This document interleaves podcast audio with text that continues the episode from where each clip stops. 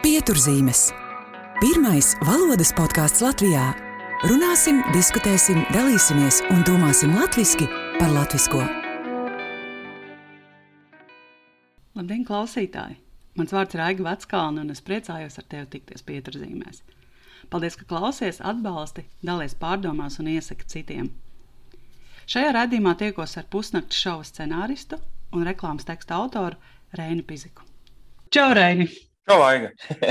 Uh, paldies, ka piekritīs sarunai, abiem tās mēģinājumiem. Ideāli nav problēma. Ļoti, ļoti gaidīju šo dienu. Patīk man ar tevi parunāt. Arī biežāk var to darīt. Jā, nu, ja mums neizdosies ierakstīt šodien, tad, tad gan jau tiksimies vēlreiz. Klausītāji, ja nu gadījumā nedzirdējāt mūsu eksperimentālo sarunu Clubhouse dzīvējā, tad šis no mums ir tiešām otrais mēģinājums ierakstīt sarunu tā, lai pie tās tiek arī mm, podkāstu klausītāji Spotify un citās platformās. Reini, cik daudz tu ikdienā joko?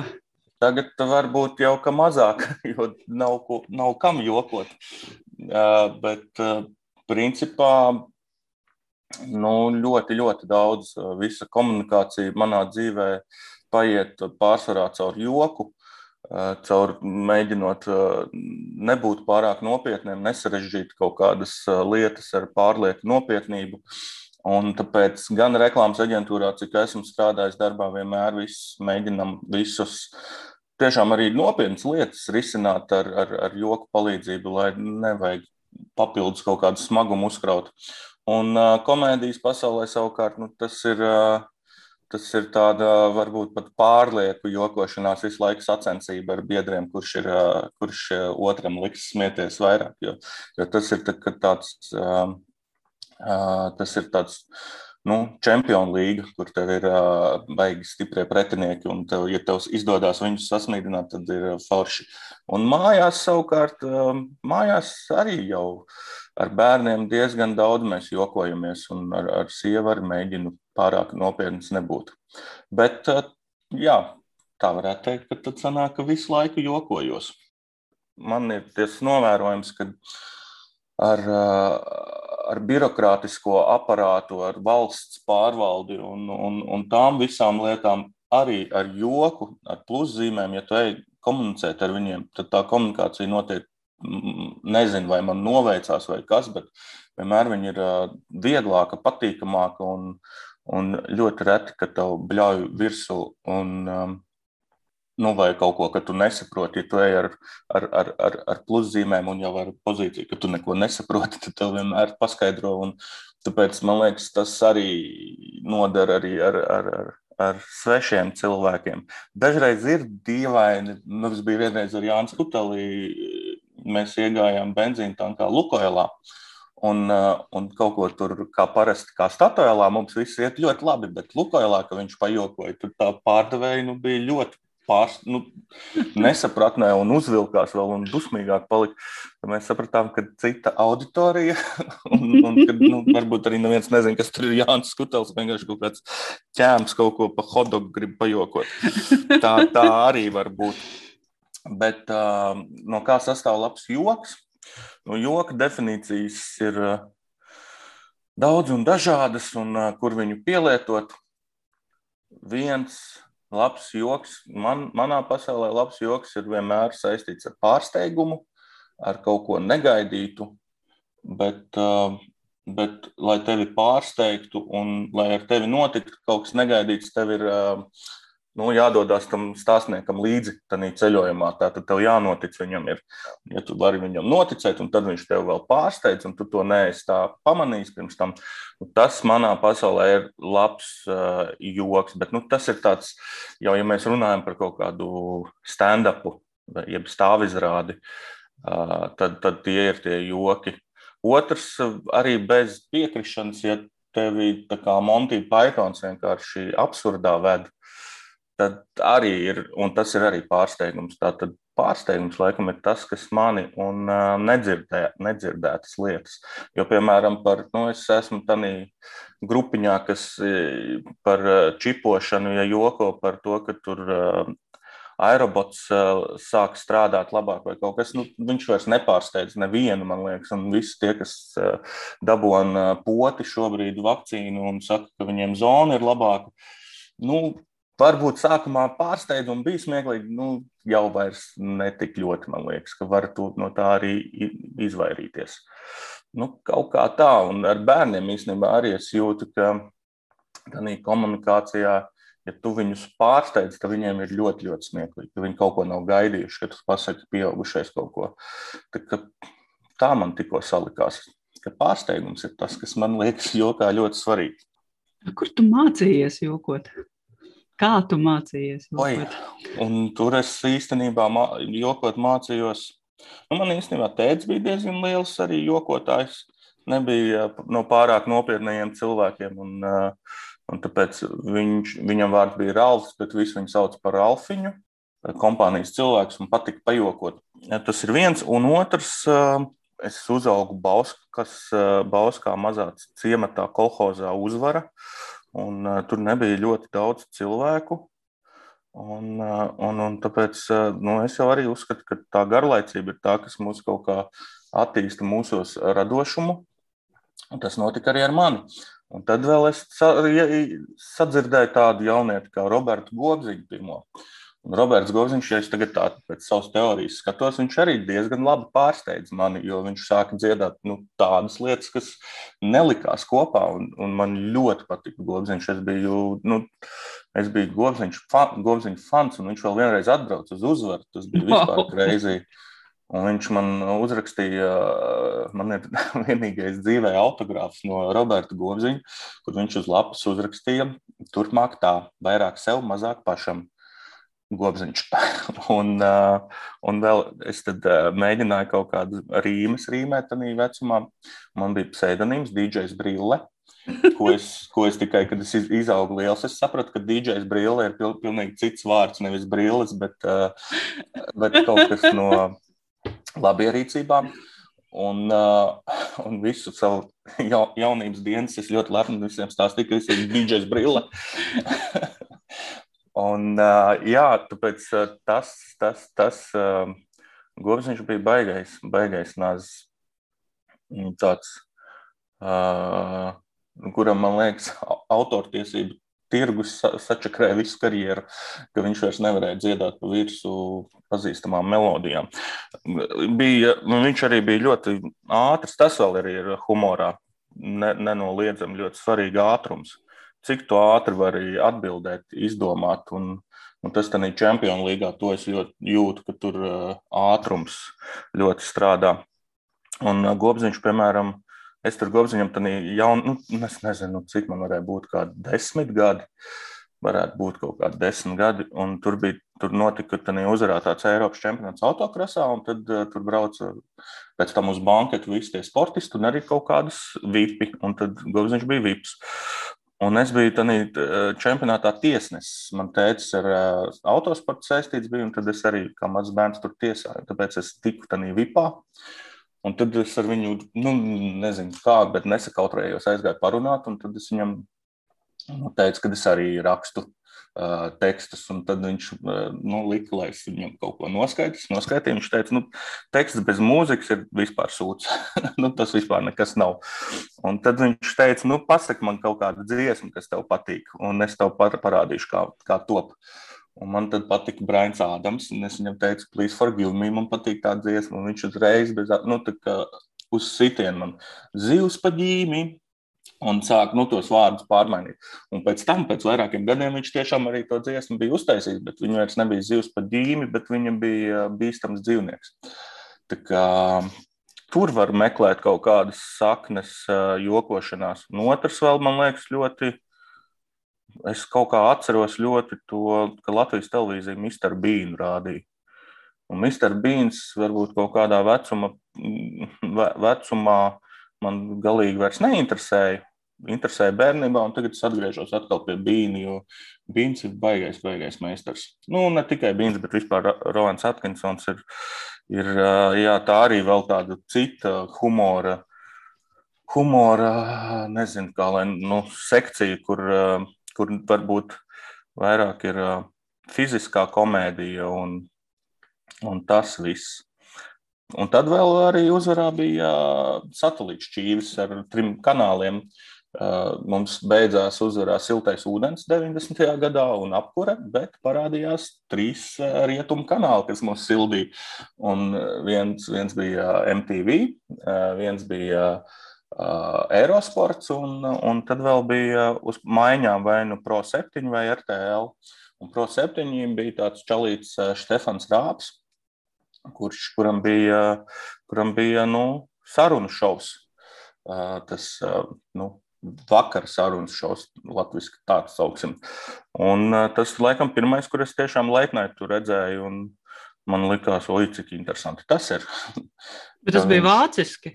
Jā, jā, jā es, nu, tas ir lauku bērniem, kur, kuri dzīvojuši la, laukos šajā laikā, vismāk vācu valodu.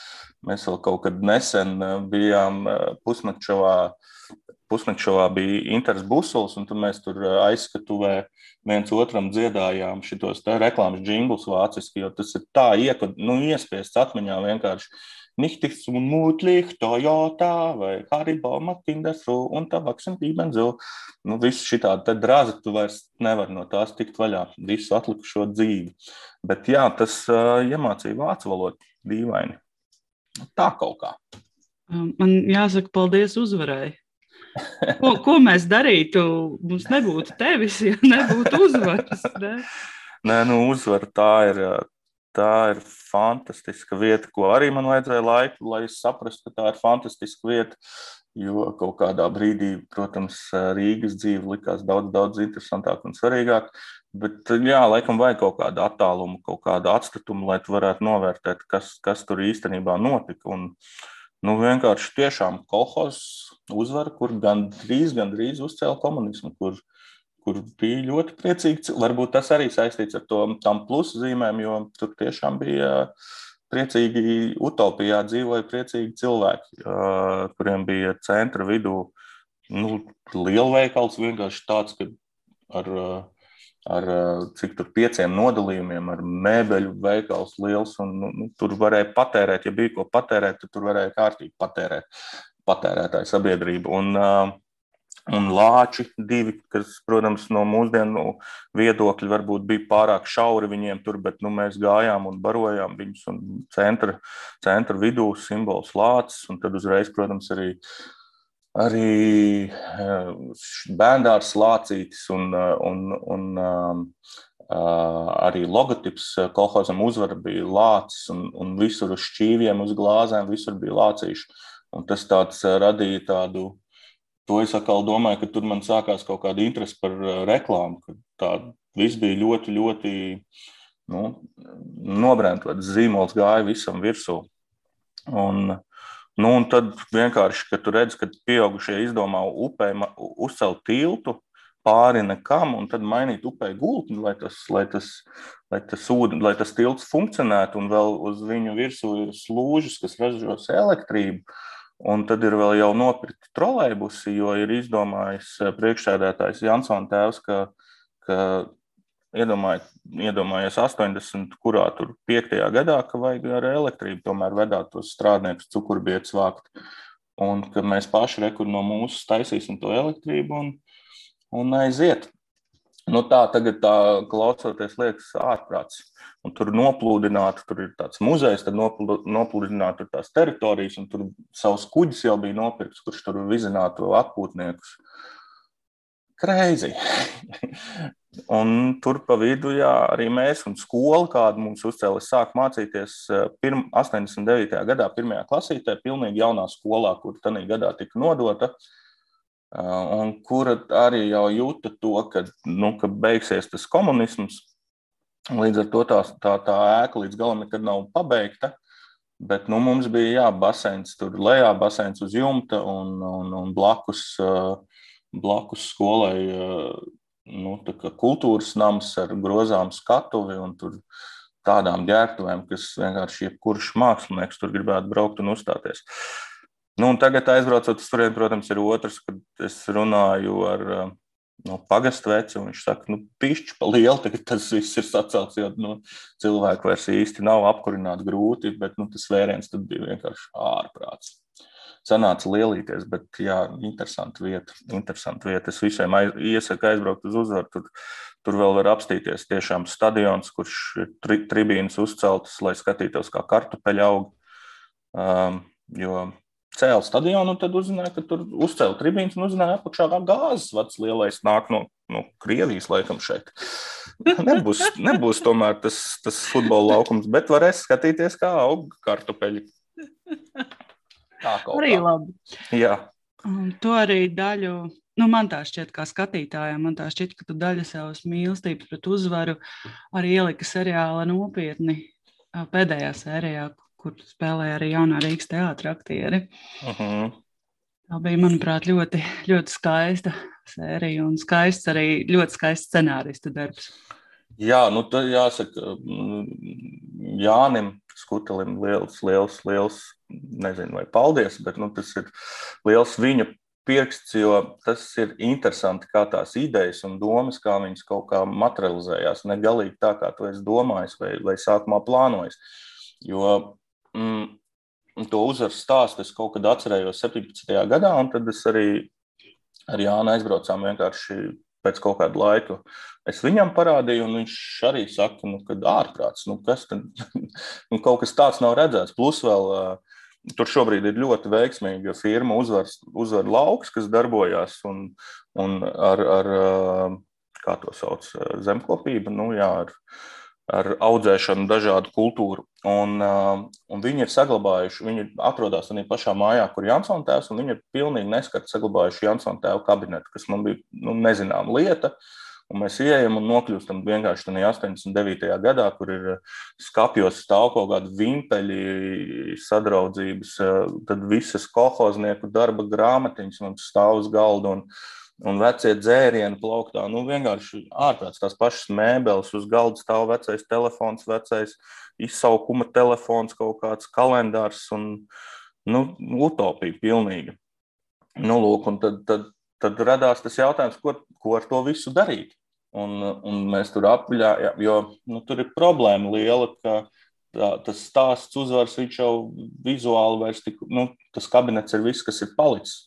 Tu vairs nevari redzēt, tur tās, tās, tas tilts ir sagruvis un tā, tā, tā tribīna ir noplukusi. Un mēs no sākuma domājam taisīt vienkārši par uzvaru seriālu, par uzvaru. Man tā likās, un arī Jānim likās, bet nu, visādas problēmas saskārāmies, ka to nevar izdarīt. Un tad, tad beidzās pusnakts šausmas jo nevarēja skatītāji vairs nākt. Līdz ar to mēs sapratām, ka pusnakts šos īsti vairs nestrādā un bija jāsāk domāt kaut ko darīt citu.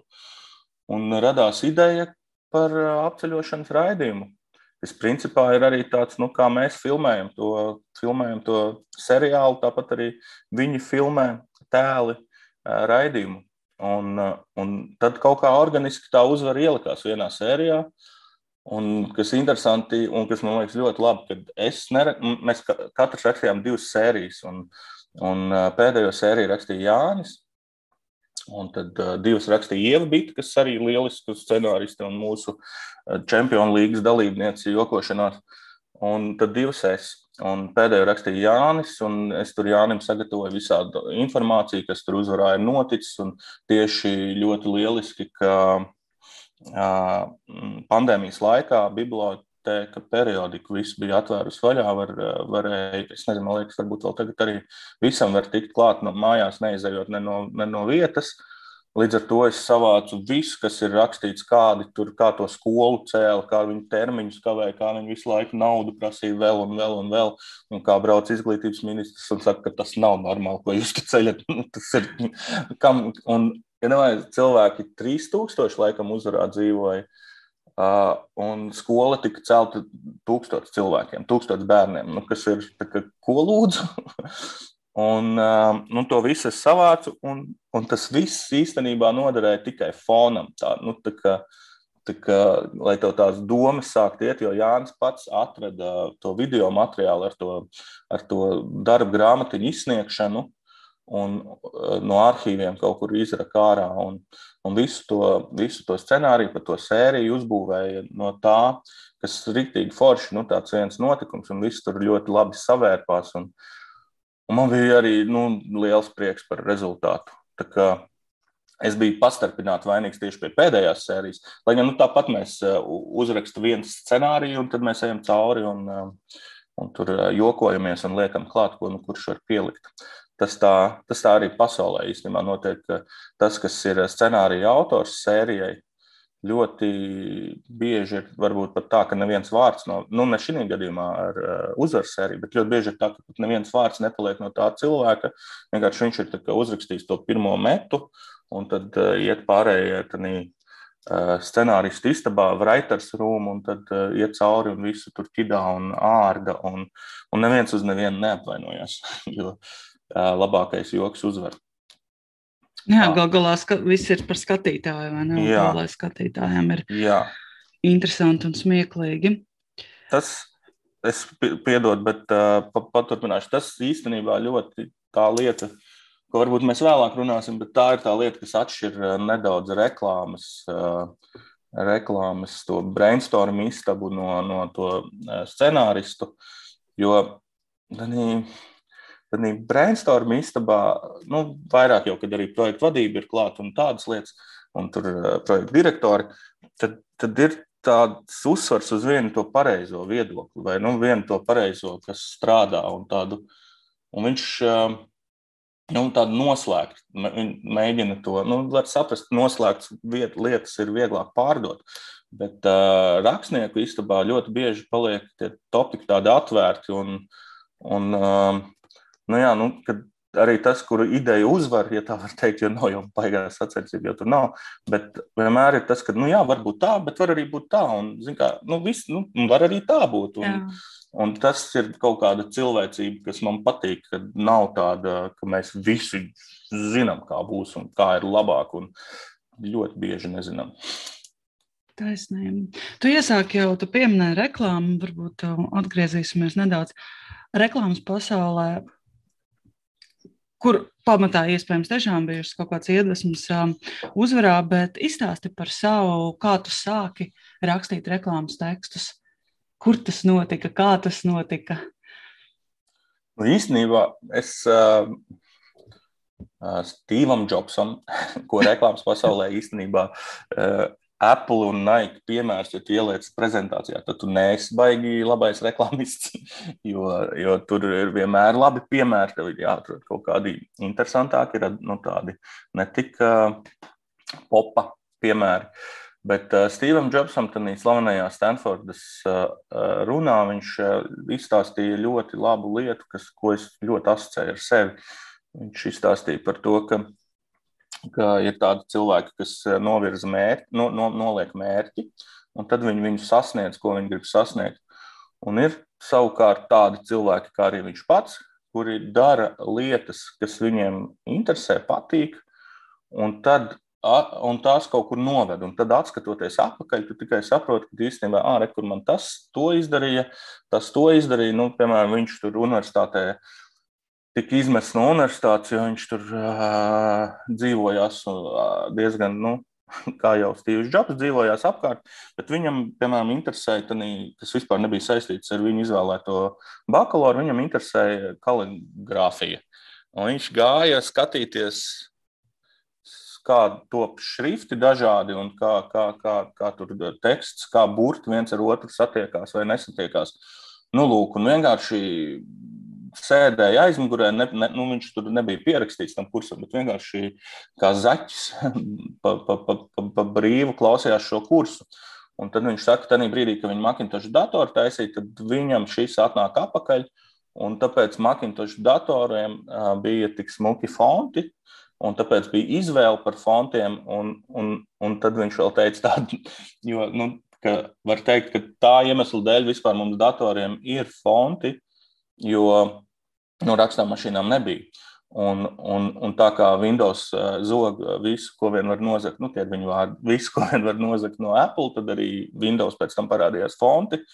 Un, un tāpēc mums visiem tagad ir tik daudz dažādu fontu, ka, ka iespējams, ka datoros nebūtu bijis, lai gan nu, tas ir, protams, pārspīlēts, jo tāpat arī plakātos mēs fontus taisījām vēl pirms datoriem.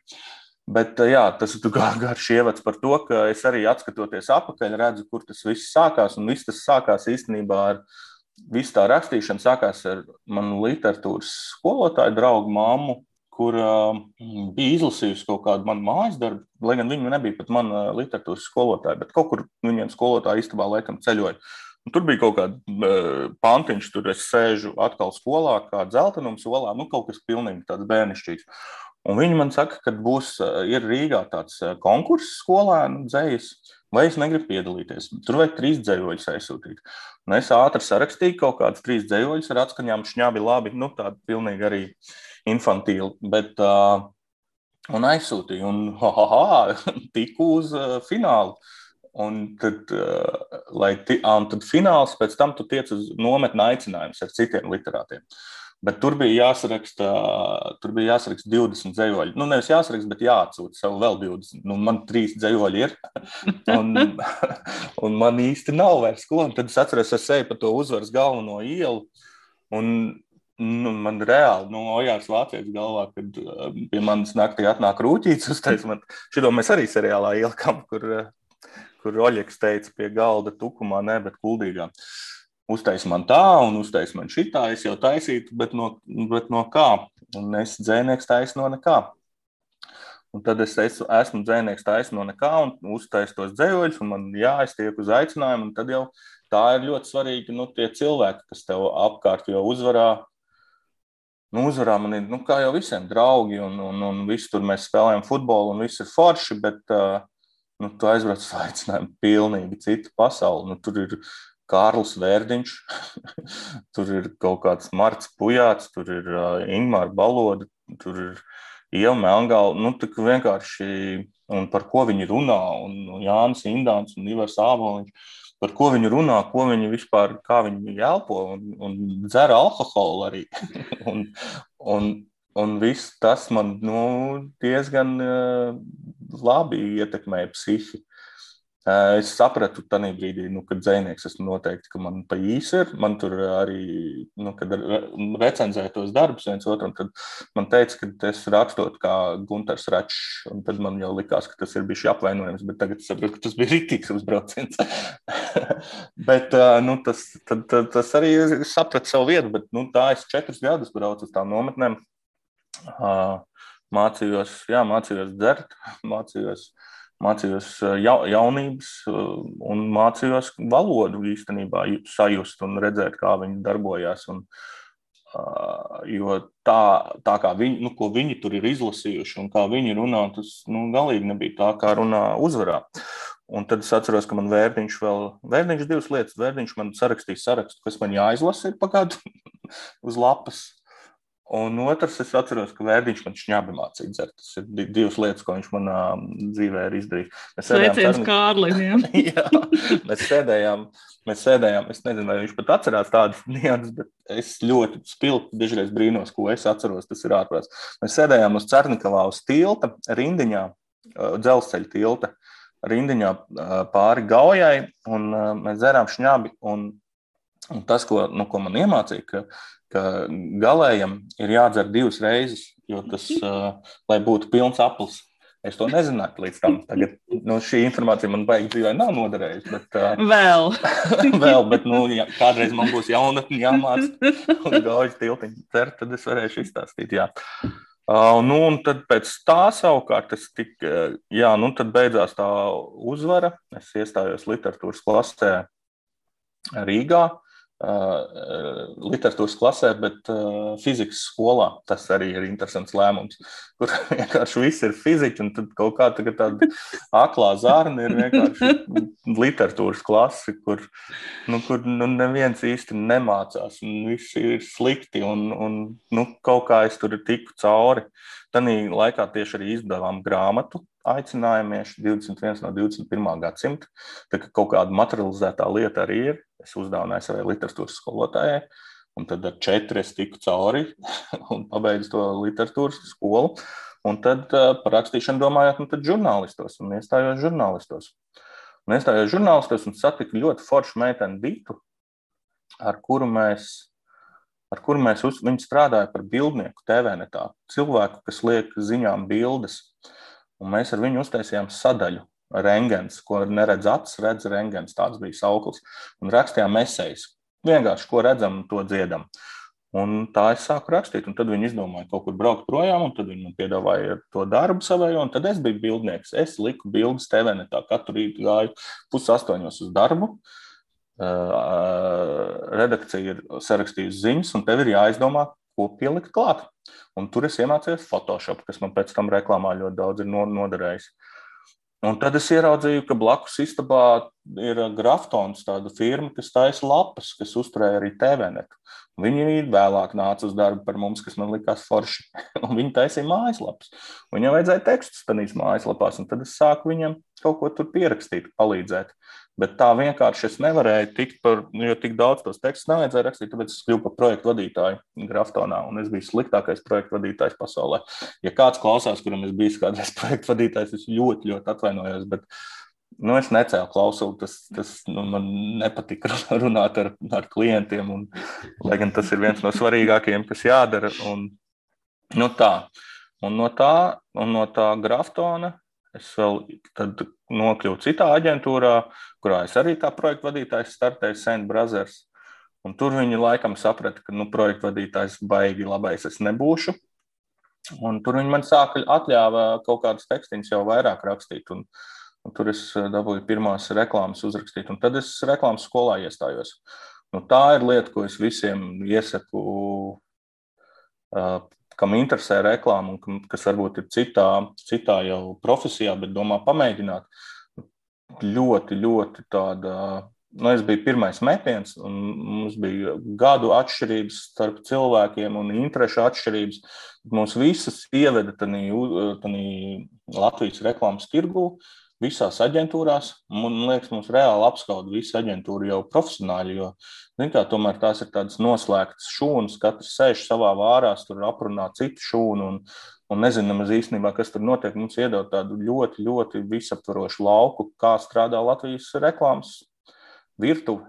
Un, un kādi, kurai aģentūrai ir tūļi saucamie, un, un ko tur kā kurš dara. Un, nu, un kontakts visu laiku. Katrā aģentūrā bija uzdevums, tev bija jāizdara viņš, un ar tiem saviem darbiem tu, ar tiem saviem darbiem tu arī parādi sevi.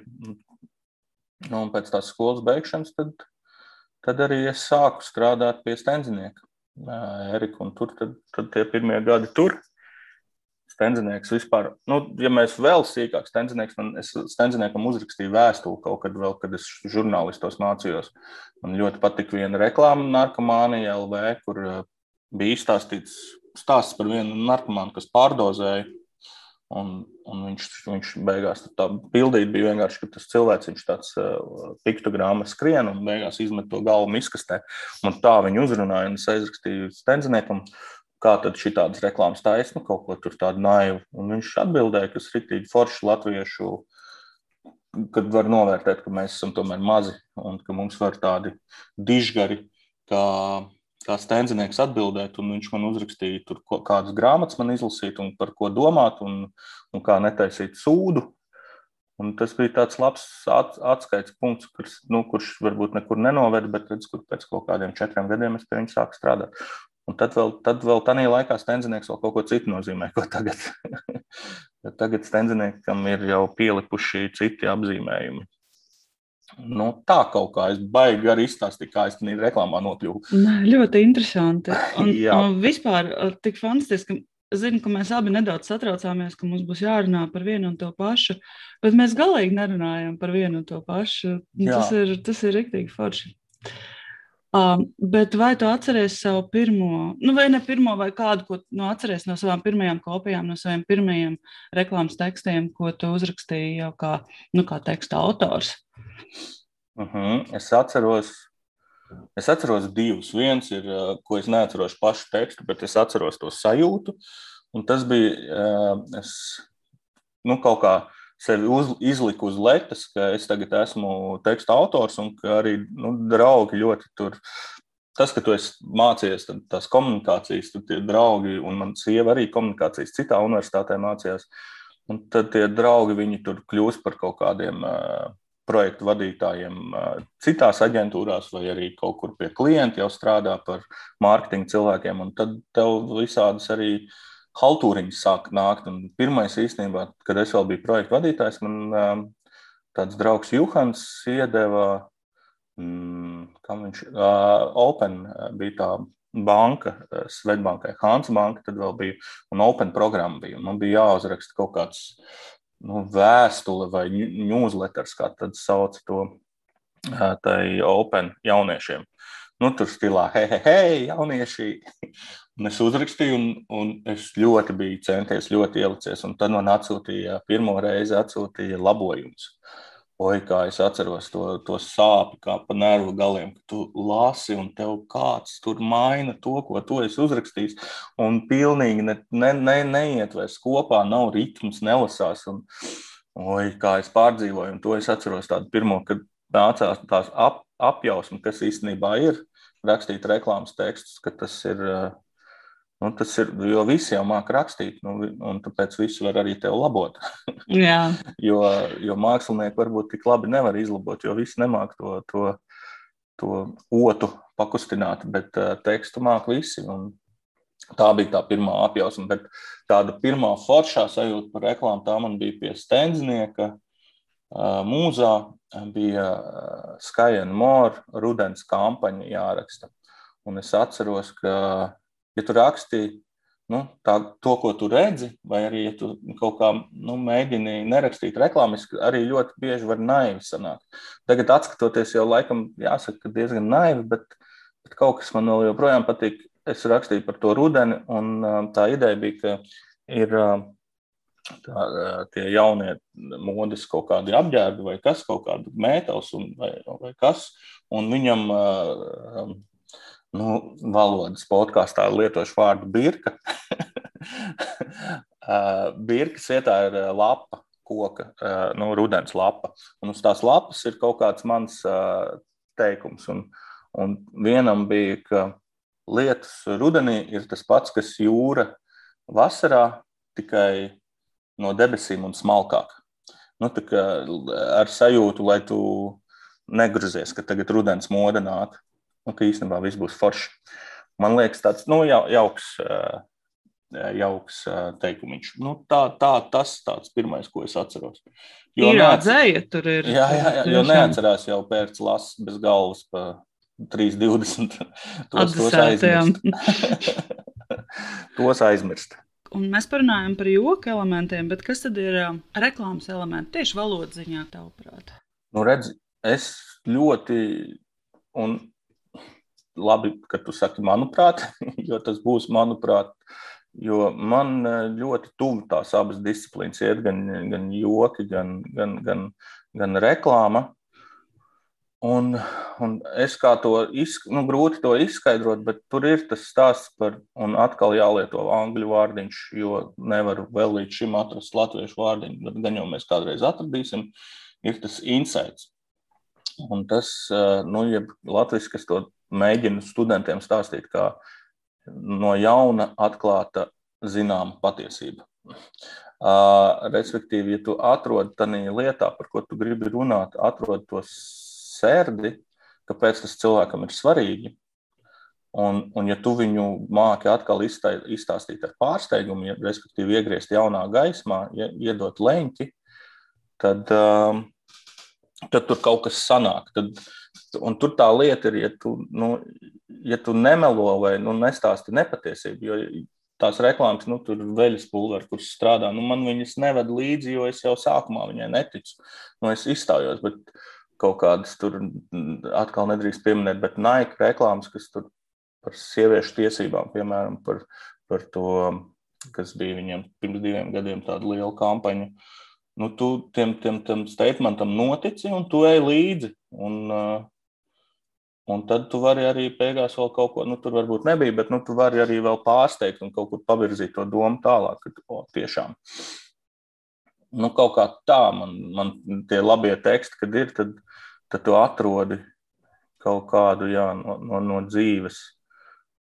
Es, piemēram, reklāmas, tādīs brainstormos, nu, ir divi veidi, kā, kā, kā es strādāju. Viens ir Pirmais ir un vienkāršais ir vārdu spēles, kas vienmēr, jebkur, tu vari pagriezt jebkuru lietu vai problēmu, ja mēs reklāmu uzskatām kā problēmu par, par joku un kaut kādu arī pārsteigumu, un tas ir interesanti un var nostrādāt.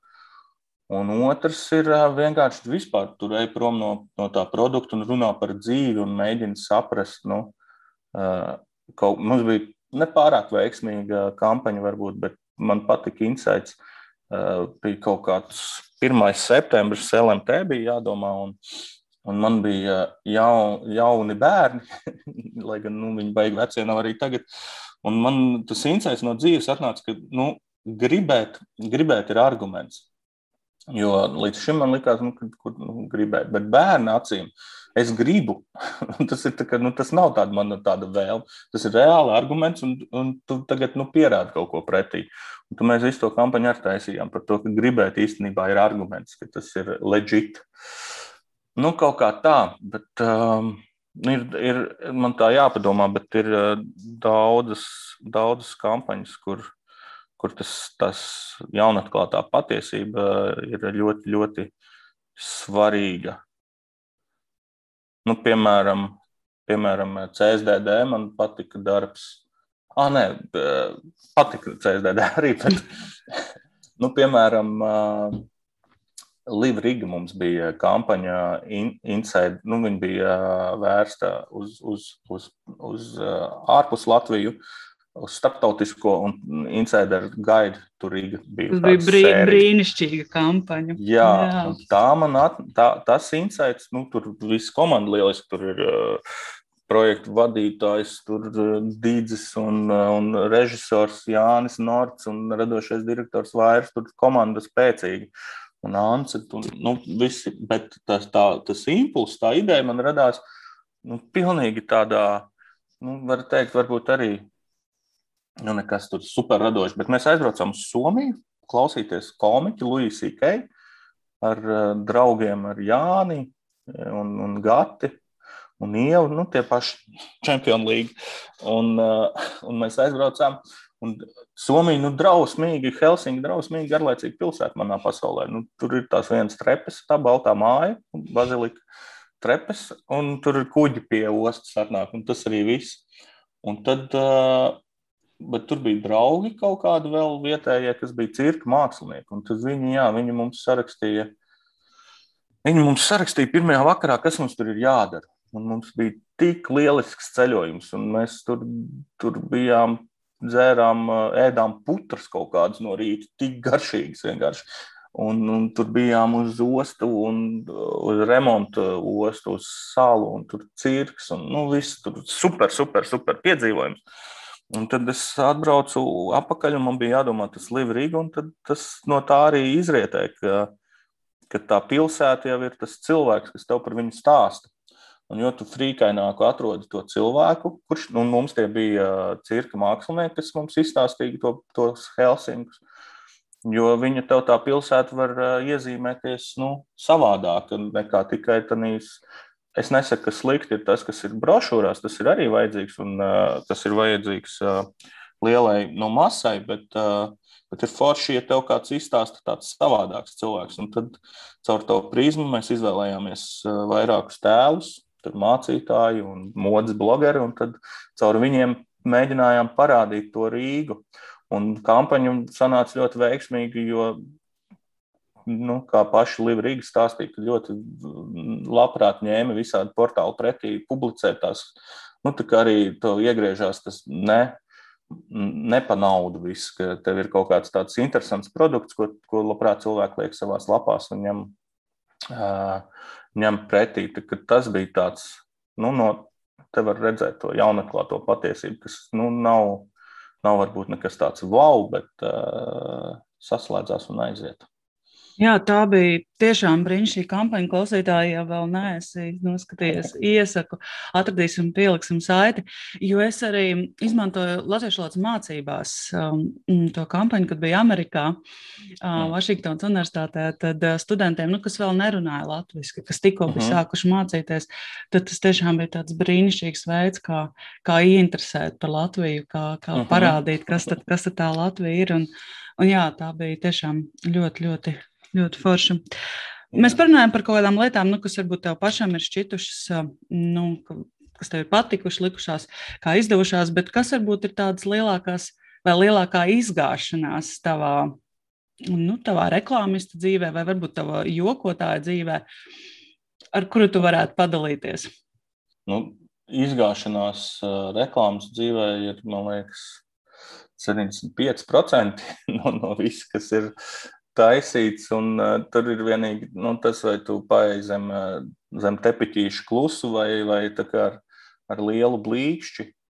Jo nu, reklāmā jau izgāšanās ir, ja tev nepamana vai nu, kaut kā. Bet tāda nu, uz otru galējību, ka tu esi tā savārījis Es, tā, es laikam arī labi, labi noroku tās lietas, un, un neatceros. Bet nu, es saku, tiešām 75%, nu, 25% tas ir labs rādītājs, ja tu izšauji 25, 25 no 100. Uh, izgāšanās notiek ļoti bieži. Man tāda lielākā reklāmas izgāšanās ir bijusi, ka es strādāju mūzā un bija Rīgas auklis jādomā. Uh, lielais, jauns, jo, jo tur bija tāda situācija, ka Mēs, nu tas vispār ir kaut kāds ārprāts. Tanī 2008. kad mēs sākām ar UNU Rozenbaumu mūzā strādāt, jo UNU arī to reklāmas skolu beidza. Un mums uzticēja Rīgā kā klientu. Nu, tas bija nu, liels klients, un, un mēs, mēs tur uh, pankojām, ja tā var teikt, uz pilnu klapi. Mums bija, jā, bija izdomāti divi tēli. Uh, lāzera acis un svītrkots, tādas lēles, kuras, um, nu, kuras uh, pa to veikalu dzīvojās. Un viens klips mums bija, kur, kur nu, es izstāstīšu scenāriju. Uh, svītrkots ir studija, kur ir zebra atnākusi. Un zebra ir viņa, un zebra neiet projām, vai kaut kas tāds. Un tad zvana advokāts Grūbups un saka, ka, tai, nu, kad, kad dodiet viņai slides. Un tad tai zebrai iedod slides, un tā, tā zebra izslīd ārā no tā ekrāna. Mēs vēl kaut kad ar runu to klipu atradām. Un, un mēs viņu samontējam un saprotam, ka nu, ār, nu, ārprāts kaut kāds. Un tad uh, ņēma tālāk Šubrovski, kurš mēģināja kaut ko, kaut ko ar, ar, ar, ar tekstu kaut ko labot, jo nu, tur labojams bija gandrīz nekas. Un tā pat laikā man bija jādomā sauklis Rīgā veikalam lielais, jo Ēriks bija izdomājis ļoti sirsnīgu, bet garu, kuru teica Keišs tādu, ka saka jau, ka mīlestība iet caur vēderi. Mēs jau tomēr domājam, ka caur sirdi Rīgā. Nu, tik garš sauklis bija Rīgā vienā brīdī. Un viņi teica, ka tas ir pa garu, vajag citu. Robežnieks varētu teikt, ka robežnieks būs tāds uh, tuvāks zīmolam nekā Keišs tad vēl tieši latviešu mīlestība bija. Un tas, ko, ko, ko, ko es nācu klajā, jo viņi, nu, tas arī ir interesanti. Kad tu ilgi strādā reklāmā, tad tu esi strādājis gan ar, gan ar Maksimu, gan ar Rīmiju. Un vieni visu laiku skatās Rīmiju uz Maksimu un, un saka, ka mēs jau nemaz neesam tik dārgi un ka pie mums arī ir diezgan labas cenas.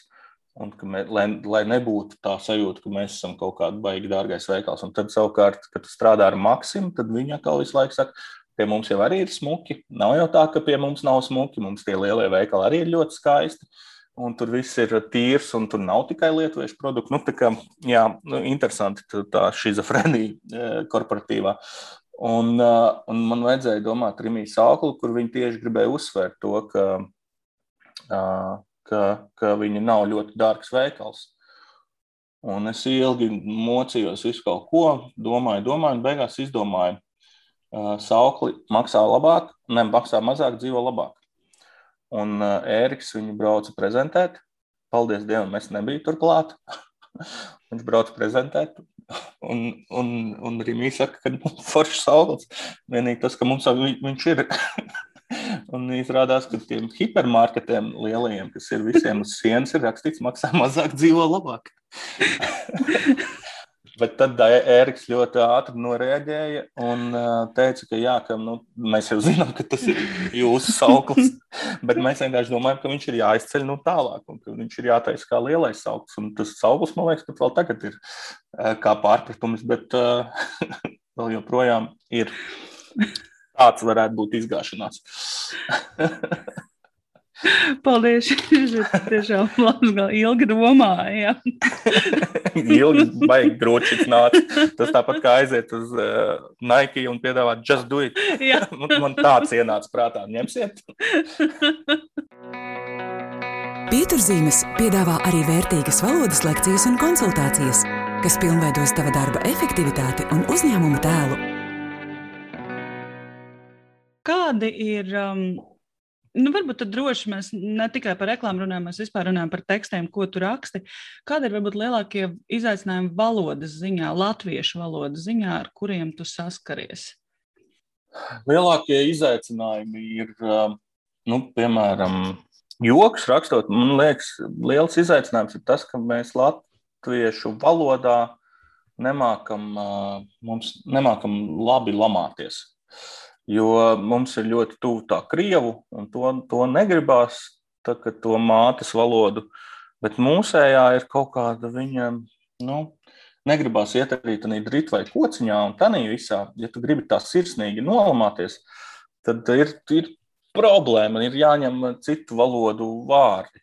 Jo la, es esmu dzirdējis, vienreiz bija tāds gadījums, ka mācītāji vienu apturēja piedzērušos pie stūres. Viņš gulēja pie imantā pie tilta. Bija tāds gadījums ziņās, nu, daudz, daudz gadus atpakaļ. Un tur bija, es viņu ļoti labi atceros ar to, ka viņš apsēdās blakus sēdētāja krēslā, gulēja un teica, ka viņš nebrauc un ne, nelaid policiju iekšā. Un tad izsita stiklu, viņu paņēma un viņu veda uz iecirkni, un visu to laiku viņš runāja. Un viņš nepateica nevienu vārdu uh, rupju, bet viss, ko viņš teica, bija tik pretīgi un tik derdzīgi. Nu, man no tā, nu, tur, kad kaut ko pa vāverītēm un nu, tur nu, nošņukājušies, nu, kaut kāds vienkārši murgs. Un, un tas man tādā atmiņā, ka, jā, nu, kad tāds, uh, viņš neko rupi nepateica, bet ļoti, ļoti pretīgi. Un līdzīgi man ir īstenībā man tāda dilemma. Man no rītiem es eh, vedu bērnu uz bērnu, un es viņam ļauju klausīties YouTube, izvēlēties dziesmas. Četras dziesmas ir līdz bērnam, divas meitai, divas dēlam. Meita jau klausās kaut kādus importa, importa ansambļus, bet dēls, eh, četrgadnieks, kas man liekas, ir liela problēma Latvijas eh, vecākiem, nu, ka viņam tas bērnam divstūris patīk. Un bērnam divstūrim arī nu, es esmu pāranalizējis, kas tur notiek ar tiem tekstiem. Un viņi arī nevienu rupju vārdu nesaka. Bet viņi līdzīgi kā tas mācītājs, viņi saliek nu, tos teikumus kopā. Nu, tur, nu, negribu citēt, bet nu, tur kaut kas tu, uz manā banānā un kaut ko nu, šitā te. Un, un mans dēls, nu, es saku, ka nevar klausīties šito, un viņš, bet kas tur ir? Nu, tas viss kārtībā ir. Un tad ir no otras puses, savukārt, kas man liekas, nu, Es zinu, ka arī pie tevis bija Ants, ko es ļoti augstu vērtēju, un man, patīk ļoti viņa daļrada. Un es kaut kad tieši nesen klausījos to, to albumu un domāju par to, ka nu, tas, ko viņš nes, par ko viņš stāsta, es viņu daudz, daudz labprātāk liktu savam dēlam klausīties. Bet es nevaru arī, jo viņam, viņam tur nāk ārā, nu, tur, ja tu ar vecāku to radio uztvērēji sāc klausīties, nu, tur ir rupji vārdi visādi, bet nu, viņi ir uh, krievu valodā vai jā, angļu valodā. Nu, respektīvi, jā, tas, tas es, nezinu, es, es man liekas, aizrunājos prom no jautājuma, bet, bet par to tā, tā lamāšanās mums kaut kā vajadzētu. Mēs mēģinājām vienā raidījumā to faktu tulkot pusnakts šovām nu, kad pišķiņš zina, fakts nav, pišķiņš zina. Vai nu kaut kāds mums tāds bija. Man vispār, uh, es gribētu, lai, lai uh, tādas interesantas man tas vēlmes, bet lai, piemēram, tāds vārds, uh, nu, vārds pist, lai viņš nebūtu tāds, ka, nu, ka, ka viņu varētu labāk lietot, nu, ka viņu varētu biežāk lietot, ka, viņu, ka viņš nebūtu tāds, nē, nē, nē, tur neejam. Nu, piemēram, man atsūtīja, re, kur uh, draugs uh, iekšējā čatā, kurš ir uh, deputāts. Viņš saka, ka viņš diemžēl nevar vairs laikot šādas ierakstus. Bet man likās ļoti, ļoti labs, ļoti labs uh, joks. No valodas viedokļa. Viņš bija, tas Džeks bija rakstījis kaut kam atbildē, ka uh, vienīgais, ko tu pisi, ir trīs km ar kājām uz skolu. Un man, nu, man, man ļoti patīk šis joks, jo es dzirdu, ka viņš nav radīts, nu, viņš nav tulkots joks, viņš ir radīts Latvijā. Viņš ir nu, tā, viņš tam vārdam viss iedod nu, jaunu, jaunu spēku, un, un viņš der tādā teikumā. Nu, tā, tāda man ir viena problēma. Bet kāds bija jautājums? Es tiešām aizmirsu. Es tieši gribēju tevi uzslavēt, tev ir tik laba atmiņa, tu tik daudz visu kaut ko atceries. Uh, jā, jautājums bija par, par A, valodas par valodu. izaicinājumiem, tieši jā. rakstot latviešu valodā. Nu, uh, latviešu valodā joku pasaulē mums varbūt tur tik daudz vairs arī nečako, bet reklāmā nu, arī valodas centrs nedaudz, jā, reklāmas pasaulē, nu, tomēr arī tad, kad vēl varēja sabiedriskajos mēdījos likt reklāmu, nu, tur tomēr arī kaut kāda, kaut kāda nopietnāka tā pieeja valodai bija, ka tu nevari teikt visu, kas ienāk prātā, tev ir jāatbilst eh, kaut kādiem likumiem valodas. Un, eh, un tur man ir laikam tikai pieredzē viens, viena problēma bijusi, kur, kur bija eh, okartēji kampaņa, nekas tāds, nu, tas slavenais tie 75%, kas zem deķīša paiet, nekas tur tāds baigi radošais nebija, bet nu, vienkārši tas jaunais tareks bija bomba. Un tur bija baigies salūts un bomba. Un eh, to mums neļāva, neļāva likt, jo latviešu valodā nav vārds bomba. Latviešu valodā nu, bumba, nu, tā kā sprākstoša bumba, tā ir nevis bomba. Nu, tā bija tā reize, kad, kad likās, ka varbūt dusmīgs. Nu, kā man šī tā neļauj teikt, bomba. Bet uh, vispār reklāmā strādājot, man jāsaka, tas valodas centrs ir vienkārši dāvana, dieva dāvana mums visiem reklāmistiem, jo tu jau jebkurā laikā vari piezvanīt. Un, un es tagad gan nestrādājot reklāmā, sen neesmu zvanījis, bet tev sniedz konsultāciju par, par vārdu izvēli, pat vai tu vari tā teikt, vai nevari par komatu, kur likt. Un ir tas telefons, es viņu no galvas neatceros, bet man, man nebija. Reklāmas aģentūrā man uz galda nebija ārzemēs rāda ģimenes bildes, bet man bija valodas centra telefona numurs. Tas vienalga, kur es mainu darbu, man bija tas galvenais numurs, uz kuru piezvanīt. Jo es nezinu, vai tur vēl strādā. Jā, Latviešu valodas aģentūra, konsultatīvais jā, dienests. Jā. Jā, viņiem var zvanīt, rakstīt ēpastu. Agrāk tur strādāja Dita Liepa. Jā. -hmm. Un bija mums arī pasniedzēja universitātē, tāpēc bija ļoti, ļoti. Un e, vienalga, kas tur strādā, vienmēr tur, tur ir dzirdīgs auss un tiešām ieinteresēt visdažādākos sviestos, ko tu piedāvā, ka tev vajag tagad saprast. Nu, tur, jā. Nu, tā kaut kā tā cik, valoda. Cik latviešu valoda ir elastīga vārdspēlēm? Nu, man jau liekas, ka tas ir atkal tas stāsts par. Nu, angļu valodā noteikti vieglāk, bet uh, man liekas, ja tu esi kaut kādu to līmeni sasniedzis, un ja tu proti latviešu valodā ar vārdiem spēlēties, es ļoti augstu to novērtēju, man ļoti patīk. Tāpēc man patīk arī Anča Dainrada un arī Gustavo īstenībā tas, nu, piemēram, tādas man vairs īsti ne, ne, neinteresē tādas tīras atmiņas, atmiņas atskaņas, tīras kaut kādas, nu, tur vienalga kas, ja. Jausma, ausma, man nu, tas tā, neko vairs nesaka, bet, kad tu jūti, ka tur, nu, piemēram, man mīļākā, visu, visu laiku mīļākā hip-hop atskaņa ir Gustavo, ka Everestā vēl nevarēs tā.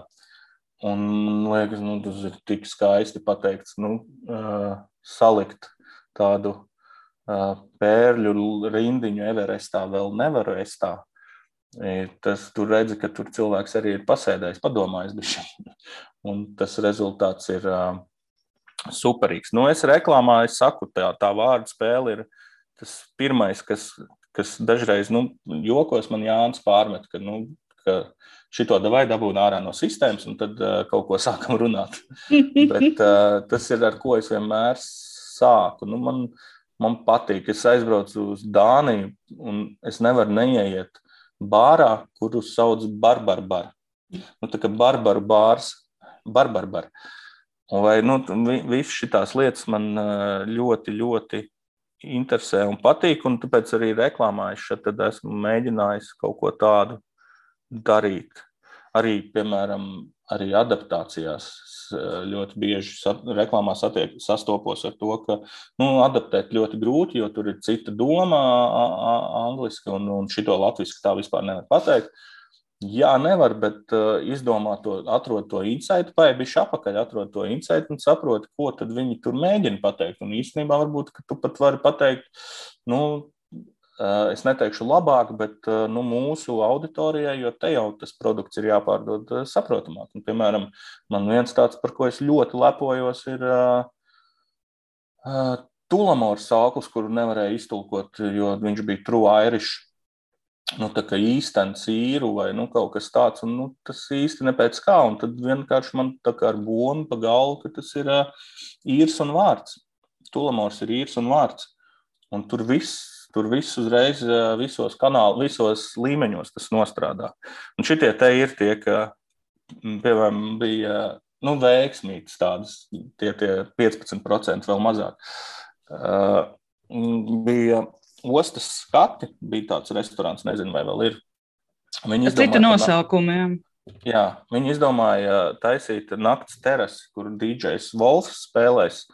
Spēlēs, tad, kad restorāns ciet, uz tā ūdens spēlēs disens. Riktīgi forša ideja. Vajag nosaukumu tam visam. Un pirmais, kas man ienāca prātā, un pēc tam bija vienkārši jāpieraksta pārējie, lai izskatās, ka es esmu vairāk domājis, bija no ostas skatiem, bija radās mostas skati. Nu, kā, un, un tur arī viss der, nu, mostas skati, jo tur viņi līdz rītausmai spēlē to dišuku. Un, un, un, un tik ļoti radniecisks ostas skatiem, nu, viņi arī ļoti, ļoti klients bija priecīgs. Un cik ilgi jādomā, lai šitādi izdomātu visu dzīvi ir jādomā, lai šādi izdomātu.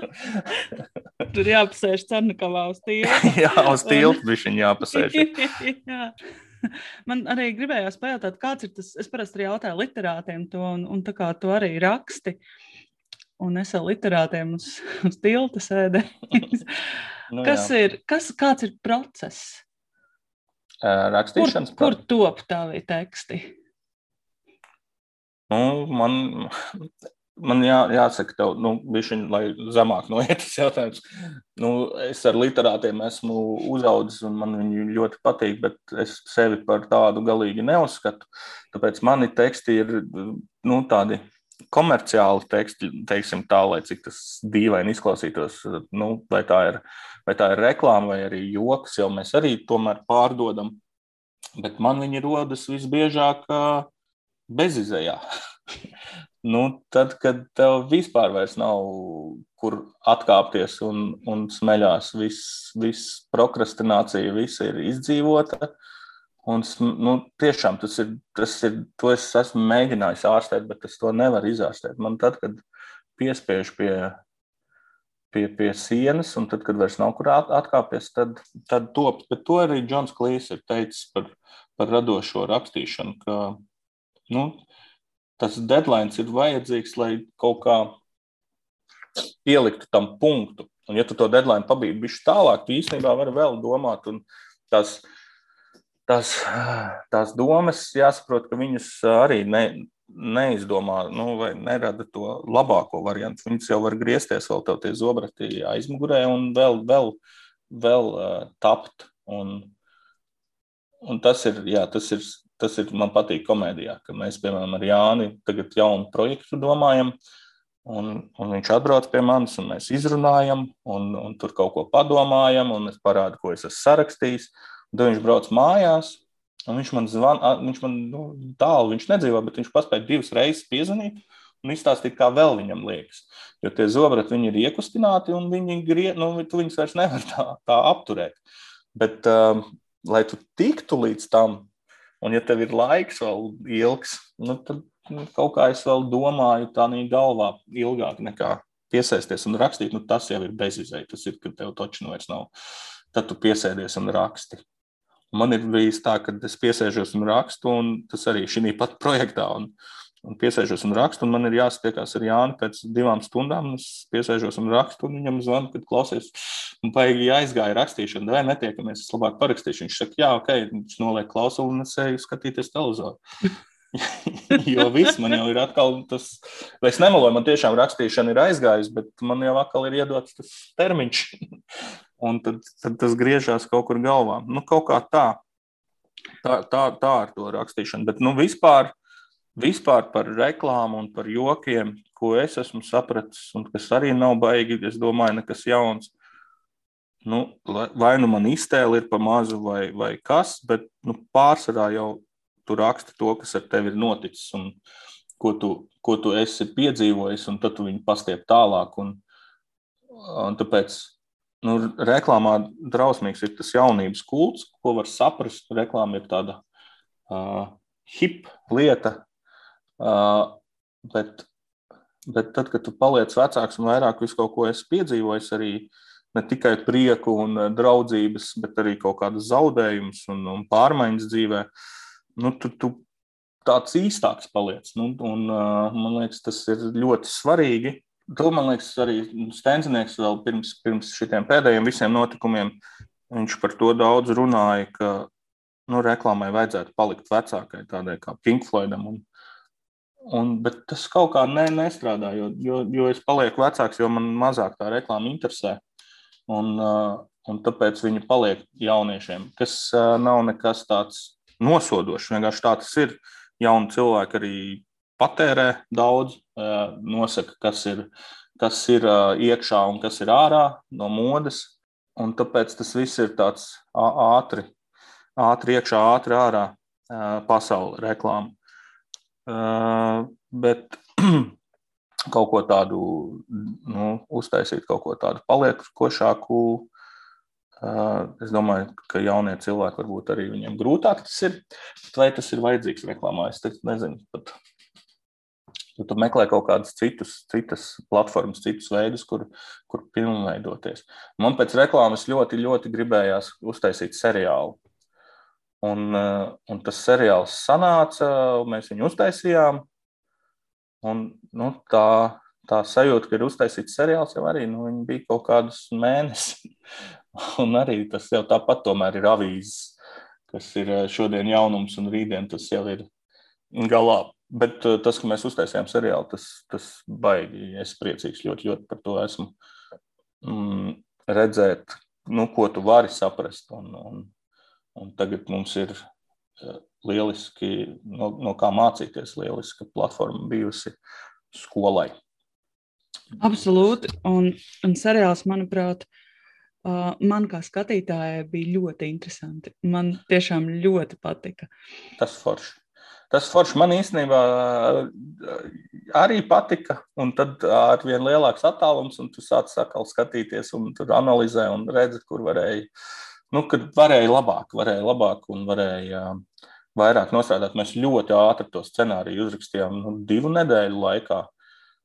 Tas bija, un, tas bija ļoti ātri, bet ļoti produktīvi. Man ļoti, ļoti patika, ka tur es, Ieva un Jānis Strietā to visu izdarījām, sazīmējām, kā sazīmējām tēlu ceļojumus, sazīmējām tēlu attiecības. Nu, tādu gājām dziļumā. Tas nebija tā sketča, kur tev ir joks un kur tu viņu vienkārši atrasini. Tas bija jā, tāds jauns piedzīvojums. Bet nu, varbūt filmēšanā bijām pārāk pārāk daudz uzņēmušies, ka var divās dienās to vienu sēriju, tad mums tur bija tāds skrējienā. Bet tas atkal rada to komandas sajūtu. Tas man patīk ar Jāni strādājot, ir tā, nu, tā tiešām negribās teikt, jo viņš varbūt to klausīsies, bet nu, viņš māca radīt to, ka mēs iededzamies visi par to, un mēs gribam to izdarīt. Un tāpēc, tas notiek visticamāk jau tāpēc, ka Jānis, nav, nu, ka Jānis iet pa priekšu un to, to pats dara, pats deg, un tad tu, nu, tu nevari nedegt, ja tev nu, tur kaut kādas, piemēram, mums bija gaujā jāiet vēns rumbas peldēties, jau bija baigi augsts bija un, un nakts, un, un nu, ja Jānis lien, tad, to, tad to arī lien. Tad, tad nav tā, ka viņš no augšas saka, devējai ūdenī. Nē, maucam. Un tas, tas, es esmu bijis tagad projektos, man piedāvāja vienu projektu arī, kur, kur ir uzstādījumā tas, ka mums vajadzētu, lai mums ir tā sirdslieta un lai mēs visi par to dēļ, nu, kā, lai mēs visi esam kā dūri. Un tas tā nestrādā. Ja tu to ieliec kaut kādā uzstādījumā, ka tas tā būs, nu, tas, tas tā visticamāk nebūs. Mm. Bet, bet tas rodas kaut kādā komandas ķīmijā un, un darbībā, un pud, pudos sāls, kas izēsts, lai, lai tad tu tiešām kā tā dūra strādā un uzticies. Tas tā par Jāni. Cerams, ka viņš šo noklausīsies. es zinu, ka viņš klausās pieturzīmes. Viņam patīk šis podkāsts. O, cik forši. Mm -hmm. Sveiciens Jānim. Klau, kas notiek pusnakts šovā šobrīd? Mēs gaidām, ka cilvēkiem ļaus kaut ko darīt. Respektīvi, tur ir vairāki punkti, kāpēc šobrīd pusnakts šovs nav iespējams. Un viens no tiem ir, ka mums nav skatītāji zālē, kas mums ļoti patīk, ka viņi ir. Jo tas ir, man, tas ir dzīvais, pie, dzīvais pasākums, kā es pusnakts šovu redzu, ka mēs viņu taisījām Un tad filmēšanas dienā ir viss skudriņš, viss satraukums, viss tas, kas ļoti, ļoti vajadzīgs bija, lai, lai to darītu nu, atkal un atkal no nedēļas uz nedēļu. Bet otra lieta, kas varbūt ir vēl, jo tās ir vienkārši kaut kādas sajūtas, bet otra lieta, kas ir vienkārši matemātiski neiespējami, jo nenotiek pasākumi. Nenotiek, mēs, mūsu tas, tā, tas mērķis vai tā vīzija, kā mēs pusnakts savu šovu redzam, ir, ka mēs stāstam par lietām, kurām, kur mēs paši gribam aiziet, vai kur, kur, kur, kuras mums pašiem liekas interesantas un patīk. Un, nu, respektīvi, taisīt tādu burbulīti ar foršām lietām. Un šobrīd izrādes nenotiek, kino nenotiek, nu, mums nav kur tos cilvēkus aizvest īsti. Un, un tāpēc mēs esam tādā uzgaidāmajā telpā, bet tiklīdz tik līdz uh, atkal notiks dzīve un mums būs ko pastāstīt, kur vajadzētu aiziet, ko redzēt, tas, tas, tas būs vaļā. Īsnībā tā ir atšķirība no Amerikas late night šoviem, kur ir, nu, kur, protams, ir industrija un, un, un tas, kas, kas, kas ir populārs, to mēs liekam iekšā un, un tur visus dzenam un viņi pērk tās vietas. Nu, tas ir reklāmas laukums. Pusnakšaus tiešām nav reklāmas laukums tādā parastajā iz, izpratnē, kur kāds nopērk vietu pusnakšos, tiešām ir mūsu scenāristu Jāņa, es un Ievas kaut kādas interešu klubiņš, kas mums patīk un liekas, ka par ko mēs gribam izstāstīt. Un tad, mēs, tad par to mēs taisam arī. Ir bijuši variant, gadījumi, kur mēs esam aplauzušies. Tur ar to kaimiņu uzaicinājām vienreiz, lai atmaskotu, kāds viņš ir Un tur, man liekas, īsti nesanāca, jo viņš bija ļoti jauks un visiem patika. un uh, dažreiz kaut kāda, varbūt, muzikālos viesus mums uzspiež kaut kādas prasības, tur kaut kāda aktualitāte baigā. Bet uh, vispār, jā, tas ir forši, ka mēs varam izvēlēties, par ko parunāt. Tur es, piemēram, atradu meiteni, kas spēlē caurām dienām datorspēli Uh, un šaudās, un, un, un viņai ir miljonus auditoriju pasaulē. Ja, ļoti slavena meitene. Jā. jā, un, tā, un tas man bija ļoti liels prieks, ka mēs tādu varam uzaicināt. Viņa bija ļoti, ļoti priecīga, ka Latvijā viņa pēkšņi kāds zina. Tiešām tas bija arī tāds foršs, foršs piedzīvojums. Tā kaut kā. Jā. Tā kā būs pusnakšaus, būs, es domāju. Man arī patika attālinātā versija. Nu, tur ir tā problēma, ko es saku, kas, ka nav tā tiešraides. Mums jā. taisot, nav tā pasākuma sajūta. Protams, jā. Un bija ļoti forši, ka mēs ātri noorientējāmies un sākām taisīt viņu. Tur bija uz to enerģiju mēs gājām. Saņu, jā, tur un visi, un tur rakstamies un zūmojam, un, un viss forši. Un, un tur bija problēma, ka tās sarunas, tieši tā interviju daļa, viņus kaut kā uh, grūti Jānim ir caur, caur zūmu uztaisīt to ātro jokošanos vai kaut kādu. Nu, tās sarunas īsti labi negāja. Tās, tās saistvieliņas, man liekas, vēl bija, bija forši. Mēs bijām sadomājuši. Un tad mēs nolēmām, ka labāk iepauzēsim. Jo tas, ko es redzu pasaules piemēros, tur arī bija ilga agonēšana, līdz viņiem kaut kas sāka sanākt. Un tāpat visi tik līdz varēja tā aizgāja uz, uz teātriem, kinoteātriem saviem, ne, bet uh, uz vienkārši uz teātriem, jo viņi filmē daudzi teātros. Un, uh, un tas ir interesanti, ka viņi arī no tām mājām mēģināja tikt ārā. Uh, Bet nu, tur ir cits. Tur ir, mēs, ja cilvēki nenāk, mēs nemaz nevaram atļauties nu, daļai, lai viņi filmē. No, tieši tā, protams. Nē, katrā ziņā man vispār jūsu komandas daļrada ir bijusi nu, tiešām daļa no manas dzīves jau, jau ilgus gadus. Es atceros, vienā brīdī mums bija tradīcija. Kaut kā tā sakrit, ka 18. novembrī bija stāvizrāde. Vairākus gadus pēc kārtas tā bija. Tad -huh. mums bija tāda 18. 18. novembris svinības ar skuteļu stāvu izrādi. Tad, protams, pusnakts šaus un, un viss. Tā kā, tā kā jā, es ļoti gaidu. Es kā, es kā arī kā skatītājs ļoti gaidu skuteļa stāvu izrādi. Un, un es ceru, ka viņš, ka viņš saņemsies, jo ir baigi ilgais laiks jau nav bijis. Jā. Bet nu, te arī pandēmija, protams, savu lomu spēlē. Bet es arī ceru, ka būs. Jā, un nu, noslēdzot šo, šo tematu, man noteikti gribētos tev arī pateikt milzīgu komplimentu par to, kāds tu esi kameras priekšā. Vai tu kaut kur mācījies, tas ir kaut kāds aktieru meistarības pamatu, vai ko? Jo, jo tu esi brīnišķīgs, tu esi tik dabisks un, un tik nu, fantastisks kameras priekšā. Nu, tur ir, es domāju, ka mēs, jebkurš cilvēks, vienu lomu varam nospēlēt. Un tas esmu nu, plus mīnus es, jo ja, tas ir, tas ir atkal režisora lieta. Jo Jānis, kā nopietni, kā nopietni režisors, nu, viņš zina, ko nu, no mums komandas tur ir. Tur ir profesionāli aktieri, kas ir tie jaunie Rīgas teātris aktieri, kas dažās epizodēs ir. Un tad ir uh, Jurijs, kas ir bijis improvizators ar Jānu kopā, un tad ir uh, Kozmens, kas ir mūsu komanda, un tad esmu es un gaismotājs un mūsu grimētāji.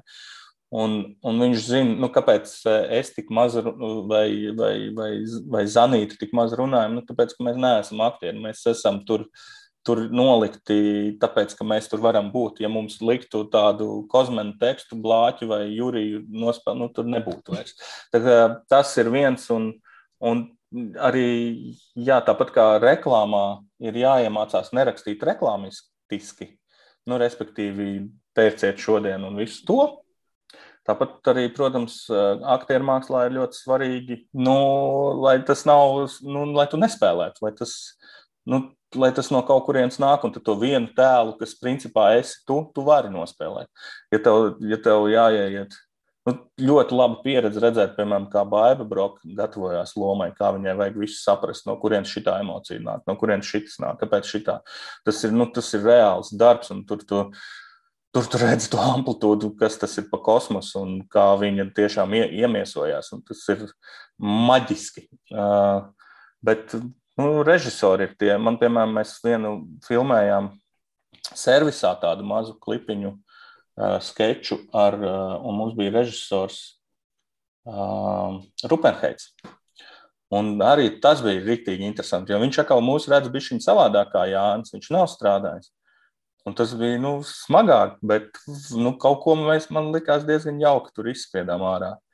Bet, principā, mana aktieru meistarība un, un, un kāpēc es esmu lomās, ir tikai tāpēc, ka es esmu tuvu tai, tai, tai kamerai tajā brīdī, ka, a, kas mums varētu nospēlēt tiesnesi Limbaģa tiesā. Tā ir rēņš, tā, tā ir rēņš. Tas nav tā, ka man zvana un klausies nāc. Es to, to es apzinos. Pieci kastiņi mēnesī. jā, jā, jā. jā, jā. Klau, man vēl tāds uh, pēdējā tēma, ko man gribētos parunāt, ir par um, tavu darbu, kā tavu pasniedzēju darbu. Uh. -huh. Kas ir tas, ko tu studentiem māci, kur tu māci? Es mācu reklāmas tekstu studentiem uh, Latvijas Universitātē. Daru to jau trešo gadu vai ceturto, pat īsti nevaru vairs saskaitīt, bet uh, Un, uh, un mēģinu iemācīt, uh, nu, mēģinu iemācīt rakstīt, nu, angliski to saukt creative writing, nu, radošo rakstīšanu, domāt par tekstu bišķi nedaudz savādāk, kā tikai uh, no A uz B punktu.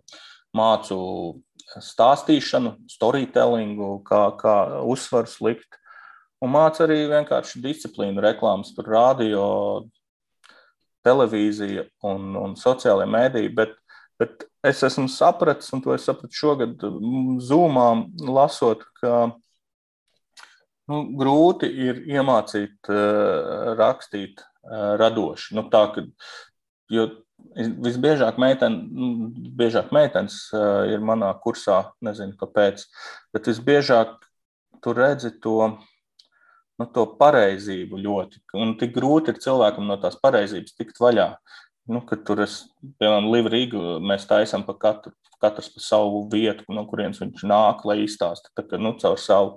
Un, nu, daži ir vienkārši fantastiski, un daži ir ļoti labi uzrakstīti pareizā latviešu valodā, bet ļoti, ļoti pareizi. Un tad to, to nepareizības mēģina to konfliktu dabūt iekšā, lai, lai tas grūti nākās. Bet tas, ko es šogad es sapratu, ka, ja es to nevaru dabūt iekšā, tad vismaz es varu gaidīt, ka students prot atšķirt uh, prot atšķirt, nu, kas ir foršs teksts, kas ir interesanti uzrakstīts un kas, kas varbūt nav. Nu, ka, jo īstenībā jau Latvijas universitātē visbiežāk tie cilvēki, kas pabeidz sociālo zinātņu fakultāti reklāmu, viņi visbiežāk ir projektu vadītāji vai, vai mārketinga cilvēki. Viņi ir tādā pusē, un, un ja viņi tādā pusē, viņiem var iemācīt kaut ko saprast par tekstu, kā, kā atšķirt, kas ir interesants, kas nav.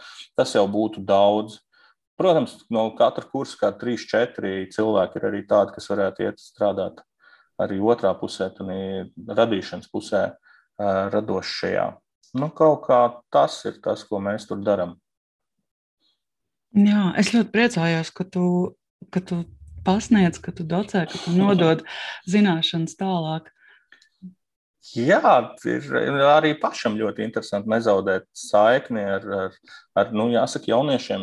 Es arī izmantoju vienkārši viņus tā kā maz neliekās sautīgiem nolūkiem. Es, piemēram, nopietni seriāli viņiem eh, tur prasu, kā, kas patīk, kas nepatīk. Un tur ir interesanti. Tur ir tādas lietas, ko es nemaz ko es nemaz, mēs tā nebijām iedomājušies. Viena no tām lietām, ka nu, mēs nezinājām, ka Jānis Skutels ir tāds maita. un man jāsaka, bet tas taču ir tēls. Nu, jā, jā, tēls, tēls, bet nu, paskaties, pats kāds viņš ir. Tikai tā. Uh, Iedomājieties, ja tev, varbūt tev jau tā raksta, kā tu savulaik uzrakstīji stendiniekam un, un pajautāji padomu, Ko tu atbildētu, vai ko tu atbildi, ko tu iesaki, kuras grāmatas izlasīt, kā, kā rakstīt, kā nerakstīt? Man ir rakstījuši, un es mēģinu, mēģinu iedziļināties un mēģinu palīdzēt. Problēma ir vienmēr, ja te uzraksta nu, ļoti tādu, kā lai pasaka, laikietilpīgu atbildi, kad no tevis gaida. Nu, respektīvi, atsūta tev scenāriju, un nu, kā, kā viņu uztaisīt smieklīgi. Nu, tas ir, zini, kā nu, strādājot, tas ir liels darbs. Tas nav vienkārši pielikt dažus joks, un tev būs smieklīgs scenārijs. Nu, tā, tur es gluži neesmu palīgs liels, bet, bet ja, nu, tad arī nu, noskaidrot, kas tev interesē. Ja tev interesē reklāma, tad ir viens, ja tev interesē komēdija, tad, tad ir otrs. Ko, bet es labprāt saņemu, saņemu un palīdzu. Es arī studentiem vienmēr esmu ar savu e-pastu atvērts. Tie, kas grib pēc tam kaut kur tikt praksē, tos savus kanālus, cik nu man viņi ir, es viņus mēģinu arī izmantot un palīdzēt, ja es redzu, ka cilvēks, cilvēkam tiešām tas interesē. Uh, Ja man prasītu reklāmā, ko, ko izlasīt, eh, es teiktu tās pašas grāmatas, ko Stenzinieks īstenībā.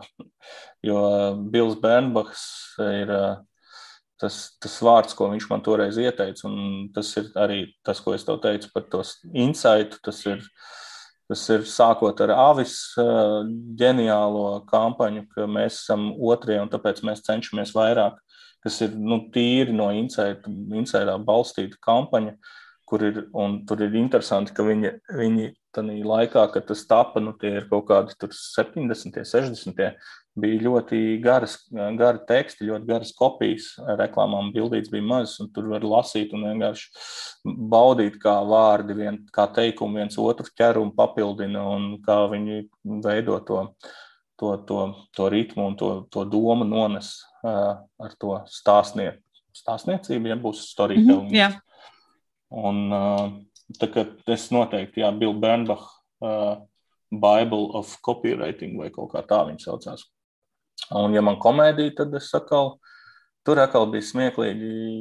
Kaut kur nesen redzēju sociālajos tīklos klīs. Tas pats Džons teica, ka ka skatieties to, kas jums liekas smieklīgi, un skatieties tik daudz viņu, ka jums vairs viņš neliekas smieklīgi, ka jūs jau sākat redzēt, kāpēc, kur tas ir, kā tas ir tiek veidots, respektīvi, tādā desu fabrikā, ka jūs sākat ielūkoties.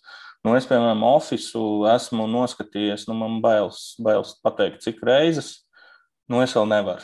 Man vēl joprojām ir smieklīgi. Es, es me, ir kaut kādas lietas, kuras es saprotu, kā tas tiek radīts. Es esmu grāmatas daudz par oficiālu noklausījies, eh, kā viņš ir tapis un, un nu, kāds tur darbs ir ielikts. Tas, ir arī, nu, tas nav vienkārši paņemt kameru un uzfilmēt uh, seriālu. Tur ir, tur ir sākot ar to, ka to filmē reality TV uh, operatori Līdz ar to tur tiek panākts tā sajūta, nu, tur ir viss nostrādāts ļoti, ļoti smalki. Tā. Super. Paldies, Raini. Paldies, ka piekritīs sarunai un dalījies. Man bija ļoti interesanti. Man arī ļoti patīk, kad ir kas klausās. un es Nē, nebūšu vienīgā, kas klausīsies. Forša saruna. Paldies, ka uzaicināji, ka tu nekautrējies divreiz man uzaicināt. Es ļoti atvainojos, ka es nemāku apieties ar tehniku un pirmo neierakstījām. Bet tā bija arī forša, man liekas, pieredze ar to clubhouse, kad uh, dzīvē jārunāt. Interesanti. Jā. Jā, super. Paldies! Šodien runāju ar Reini Piziku. Raidījuma piezīmēs atradīs īsu pārskatu par šodienas sarunu, kā arī nodrīgu informāciju un saites. Papildu informāciju par pieturzīmēm, valodas webināriem un nākamajiem raidījumiem meklē mūsu Facebook lapā Pieturzīmes. Priecāsimies, ja tu dalīsies ar šo raidījumu, novērtēs pieturzīmes Apple podkāstu lietotnē un atbalstīs mūs kļūstot par patronu, Patreon vai Baimie kofiju lietotnē. Iesaisties arī satura veidošanā, uzrakstot mūsu vēstuli vai tērzējot Discord grupā. Piesakies par viesi mūsu sarunās! Mīļš paldies mūsu regulārajiem patroniem. Paldies, ka klausījāties un uz tikšanos nākamajās pieturzīmēs. Pieturzīmes cilvēkos, grāmatās un valodā. Kādas ir tavas Latvijas pieturzīmes?